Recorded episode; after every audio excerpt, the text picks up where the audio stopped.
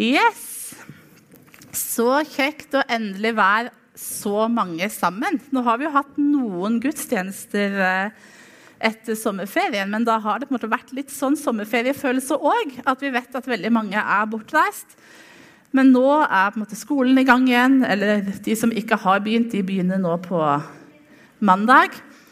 Eh, og de fleste er tilbake på jobb, og nå er på en måte ferien over. Eh, og så har jeg lurt veldig på hva jeg skulle snakke om i dag. Som jeg på en måte har lyst til å si til, eh, til dere og til meg og til oss som menighet før på en måte, høsten på en måte tar oss og vi begynner.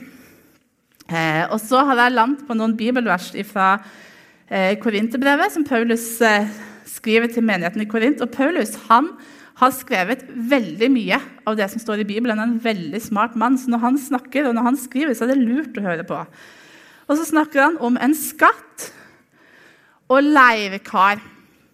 Og Jeg vet nesten ikke hva et leirkar er, men jeg har iallfall med en sånn krukke. For jeg tenker at det er på en måte i, i den kategorien, da. I alle fall. Og så har jeg med en skatt. Så skal jeg lese fra andre brevet, kapittel 4. For Gud som sa 'lys skal stråle fram fra mørket', han har også latt lyset skinne i våre hjerter, for at kunnskapen om Guds herlighet i Jesu Kristi ansikt skal lyse fram. Men vi har denne skatten i leirkrukker, for at den veldige kraften skal være fra Gud og ikke fra oss selv. Og Der er jo mange ord som kan være litt vanskelige å forstå. Men vi forstår iallfall at det er snakk om en skatt. Eh, og jeg kan ganske mye om skatter. for Mammaen og pappaen min bor på en øy på Sunnmøre. Og der er det sånn på øyer eh, så er det ofte veldig dårlig vær, og det er det her. Veldig mye veldig dårlig vær. Eh, men det er veldig fint, så alle sammen bør reise dit allikevel. Men veldig mye veldig dårlig vær. Ta med lue. Og så er det sånn at når det blåser så skjer det av og til at eh, båter på havet kan forlise og komme i land. Og det har skjedd mange ganger på denne øya. Så når jeg er der hjemme hos mamma og pappa, så, så er det sånn at alle vet at her er det mye skatter. Og dette er helt sant, som jeg skal si nå. At når jeg er da og går tur i fjæra, så går det an å finne gullmynter og sølvmynter fra en helt ekte båt som heter Akron Dam, som sank der for mange mange hundre år siden. Og mange av de som jeg kjenner som bor på Runde, de har gullmynter og sølvmynter hjemme i huset sitt som de har funnet i fjæra. Så jeg er ganske god på sånne skatter. Vi har selvfølgelig ikke en sånn skatt, eh, for min pappa er mest opptatt av fugler. så vi har mye fugl hjemme hos oss. Men andre kan ha skatt. Eh, og så har jeg tatt med Dette er jo ikke ekte skatter, da, men det ser litt ut som diamanter. For de skal liksom hjelpe oss å huske den skatten. da. Eh, og når Paulus skriver om en skatt, så skriver jo ikke han om sånn gullmynter og sølvmynter som man kan finne i fjæra, eller om sånn lekediamanter. Han snakker om en litt sånn annen type skatt. Um, og det kan være litt vanskelig å forstå, men nå skal jeg fortelle dere hva den skatten er. for det har vi jo lyst til å vite. Og det er for det første at Gud, som har skapt oss, elsker oss. Gud, som har skapt oss, og som vet hvem vi er, elsker oss.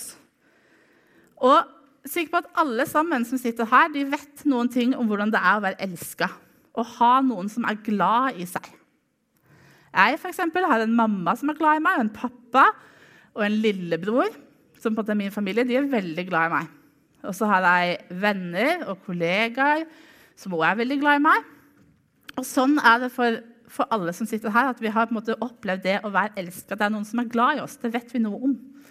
Og Gud, som har skapt oss, han elsker oss mye mer enn alle de menneskene vi kjenner som elsker oss. Så det er en del av den skatten. Og så er det en del av skatten at Jesus som er Gud, han døde for oss og inviterer oss til å bli venner med seg. Tenk det. Jesus har lyst til å være vennen din. Og for de som skal begynne i første klasse, som var her fremme og fikk bok i dag, så ba vi om at dere skulle få lov til å oppleve at Jesus var vennen deres, som gikk med dere på skolen. Og det er ikke sånn som skjer bare når man skal begynne i første klasse. Det er noe som skjer for alle, både barn og voksne, unge og gamle. At vi kan få lov til å oppleve og erfare at Jesus, som har dødd for oss, har lyst til å være vennen vår. Og hvis vi har lyst til å være vennen til Jesus, så er den siste delen av skatten at Jesus, som da er vennen vår, ved Den hellige ånd bor i hjertet vårt. Da flytter Jesus inn på innsiden og er sammen med oss. Og har lyst til å hjelpe oss og, og være sammen med oss og vise oss hvor vi skal gå. Alt det her. Um, så det er den skatten som Paulus snakker om. Gud som skaper deg, elsker deg. Jesus har lyst til å være vennen din, og han flytter inn og er en del av livet ditt. Og det er ganske stort og ganske utrolig. Og jeg lover deg at jeg forstår ikke dette helt og fullt. Så hvis det er noen andre som også sitter her som tenker at dette var litt vanskelig å få grepet på, så er det greit. Um, for det er vanskelig, men det er det som er den store skatten som Paulus skriver om. Gud som sa at lys skal stråle fram mørket, har satt, latt lyset skinne i våre hjerter for at kunnskapen om Guds særlighet i Jesus Kristus skal stråle fram. Som vi kan vite for vår del, og som vi kan få lov til å dele med andre. Så dette med skatt er jo veldig fint. Og så kommer disse leire, leirkrokene, da. Leirkaret, som jeg har kjøpt på Fretex for 19 kroner. Um, fordi at eh, Paulus sier at vi har denne skatten, som er så utrolig stor og ubegripelig. Og så har vi på en måte fått den og tar vare på den i ei leirkrukke. Og nå var jo ikke dette den styggeste krukka. Det kunne jo ha vært verre. Men den er jo kanskje ikke helt måte, det du ser for deg når du på en måte òg tenker på skatten. Sant? Passer ikke helt. Og Sånn er det jo med livet. at eh, Noen ganger så er det superfint og topp og spennende. Og det er godt å leve. Og livet måtte, er som en seilas i medvind. Og noen ganger så er det sånn at livet kan være litt vanskelig. Ting kan være litt kjipe. Det kan være tøft, det kan være skummelt. Um, og det må vi på en måte leve i. At livet noen ganger er veldig, veldig bra, og andre ganger ikke så bra. Og Spesielt nå på høsten tenker jeg, så kan det være en sånn overgang for mange der vi ikke helt vet hvordan det er med denne leirkrukka som er livet. På en måte, er den veldig bra, den, eller er den ikke helt det? Fordi at eh, noen begynner på skolen for første gang, og de vet ikke helt hvordan det er. sant? Og det tar det litt tid å finne ut av. Og så er det sånn at Noen de begynner i barnehage for første gang, eller på en ny avdeling. Eh, og Noen de begynner på ungdomsskolen og har ikke gått på ungdomsskolen før. og det er en overgang. Og Noen skal begynne på videregående som òg er en overgang. Noen av våre ungdommer som går her i menigheten, de skal begynne på videregående nå i høst. Og de skal til og med flytte fra Stavanger og begynne på internatskole. Det er en overgang. Eh, og så er det noen som kanskje skal begynne i ny jobb. Eller som skulle ønske at de skulle begynt i ny jobb. Eh, og så er det noen som kanskje skal bli pensjonister, og som lurer på hvordan det er. Og så er det kanskje noen som skal bli foreldre for første eller andre eller tredje gang. og som lurer på hvordan det er. Så livet er fullt av mange sånne overganger. og jeg tror at På høsten så kjenner vi litt ekstra på det. For det er så mange sånne overganger for veldig mange på en gang. Og så har vi denne leirkrukka, da. Som kan være livet. Og så Nå har jeg juksa litt, og så er jeg litt usikker på om det funker nå. For det at den som er med sånne leirkrukker, at de kan slå litt sånn sprekker. At det kan se bra ut. Og så kan det på en måte bli litt verre. Sant? Ser er det det. Kan det liksom bli litt sånn hull i den.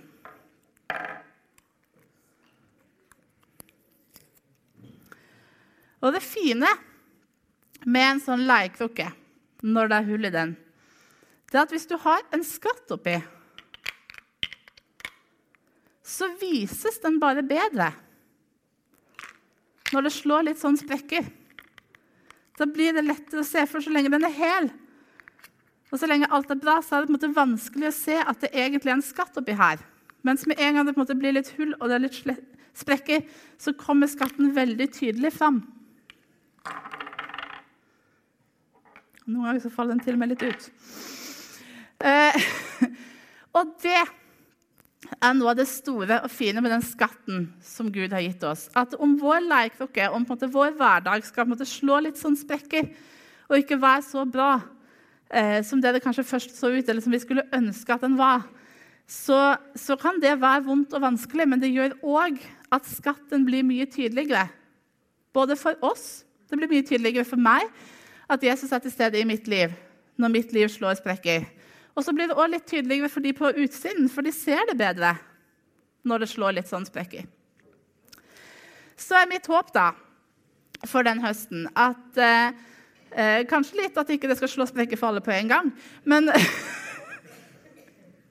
at vi skal kunne være et sånn fellesskap en sånn familie som tåler å romme hverandre når, eh, når livet slår sprekker. Eh, og at vi skal få lov til å oppleve det. At vi kan støtte hverandre, heie for hverandre, be for hverandre og gå sammen med hverandre uansett om klokka ser sånn eller slik ut. Og så ser det en utrolig trøst å ta med seg inn i hverdagen, uansett hvordan den ser ut. At den skatten som jeg får lov til å bære med meg, blir bare mer tydelig når jeg opplever at jeg mister grepet. For da blir det tydeligere for de andre og for meg at det er Jesus som er skatten.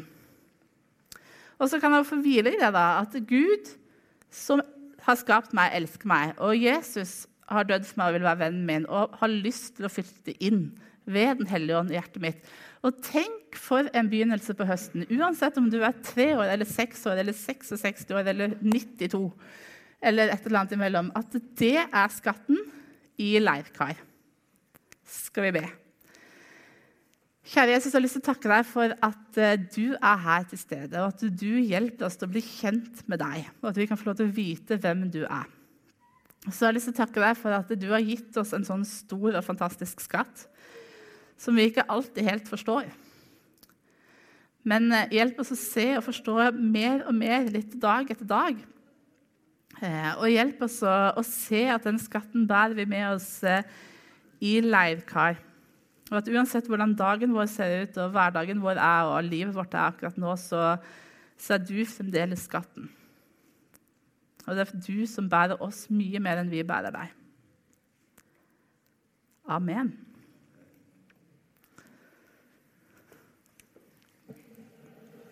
Veldig flott å være her, og det har vært veldig flott å høre Linda og lovsangen. Og så har vi mange gode ting foran oss. Snart skal vi spise middag også. Så det, på alle måter blir dette bra. I sommer så har jeg tenkt på et ord, og jeg skal mest snakke til de voksne. Men kanskje jeg kan si noe helt til å begynne med som også kan fenge barna. Det får vi bare se etterpå om det fenget, da. Men ellers så skal jeg si mest til de voksne. Men da jeg var en liten gutt, eller gutt, så drømte jeg om at når jeg blir stor, så skulle jeg bli bonde. Og faktisk talt, jeg satt her på benken og tenkte at jeg var tidlig avløser på en bondegård. Eh, at de tørte. Jeg tror jeg var 12-13 år gammel når jeg var avløser en hel helg og måtte ta ansvar for melking av kyr, eh, fòring og alt det som hører med. Men de begynte så tidlig. Og på den bondegården der hadde de masse høns også. Og så trodde de at de skulle kurere meg for å spise egg. Er det mange her som er glad i å spise egg? Ja, det er bra. Det er god. Skal du høre. Det var så mange sånne små kyllingegg, og de kunne de ikke selge. vet du. Vet du hva de tenkte på? Nå skal vi sprenge Sten, så at han aldri skal spise egg mer. De pøste på og ga meg egg på egg på egg. Jeg hadde fire egg til frokost. Jeg hadde fire egg til kvelds. Kan du tenke deg? Og så sier jeg til mor mi Mor, sa jeg, vet du hva de tror? De tror at de skal klare å kurere meg jeg ikke blir glad i egg. Men vet du hva jeg sa? Det klarer de aldri. Og det har de ikke klart. Så jeg har vært veldig glad i gjerne to egg til frokost. Det vet kona mi. Det syns du to egg til frokost er bra? Ja. Jenter kan spise ett. Gutter to egg til frokost. Ikke sant? Det er bra, vet du. Også noen jenter òg liker det, altså. Absolutt. Men, men egg er bra. Og så var det en annen ting som jeg skulle gjøre da som gutt. For dette er jo, dere ser på meg at det, det er lenge siden jeg var gutt. Ikke sant? Det, var, det har vært mange kriger siden. Men da skal du høre, da pløyde vi ute, og jeg skulle pløye, og da var det hest. Etter hvert så ble det traktor, men til å begynne med så var det hest. Og han bonden han var veldig smart. Han tenker at han skal få prøve alt når han er veldig ung, for å lære mest mulig. Og så sa han bonden til meg Nå må du pløye, sa han. Og Så kjørte vi hest, vet du, og jeg pløyde. Og vet du hva jeg gjorde? Jeg så på hesten. Og vet du hva som skjedde da? Jeg starta sånt, og etter hvert så ble det mer og mer sånt. Og så ble det en veldig skeive forår, som vi kaller det. Fordi jeg fulgte hesten. Og Da sa bonden min du må ikke følge hesten, sa han.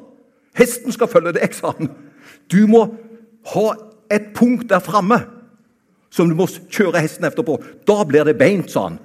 Men du må ikke følge hesten, for da blir det jo slik som hesten går, ikke sant?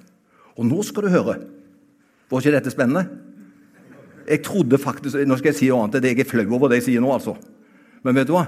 Jeg var så overbevist om at jeg skulle bli bonde når jeg ble voksen, at jeg lærte ikke engelsk på skolen. Og vet du hva jeg sa? Du trenger ikke snakke engelsk til kyrne, sa jeg. Så derfor lærte jeg ikke engelsk når jeg skulle lære engelsk, og det jeg angra veldig på. Så jeg vil si lær engelsk. Og lær andre ting. Det er veldig smart.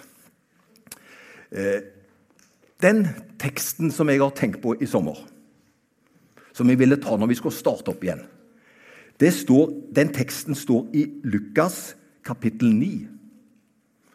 Og Det er egentlig det siste verset i Lukas 9. Jeg har egentlig forklart det gjennom når du skal pløye, vet du. Så følger du ikke hesten, men du har et punkt der framme du pløyer efter. ikke sant?